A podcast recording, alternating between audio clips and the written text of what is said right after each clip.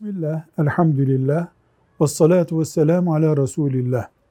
Allahu Teala'nın Peygamberi Muhammed Aleyhisselam'a indirdiği kitaba Kur'an diyoruz. Sureleri, ayetleri, besmelesi ile Kur'an Allah'ın kitabının adıdır. Bu Kur'an-ı Kerim'in yazılı olduğu kitap ise mushaftır. Mushaf iman ettiğimiz, okuduğumuz, ezberlediğimiz Kur'an ayetlerinin, surelerinin yazılı olduğu basılı kitap demektir.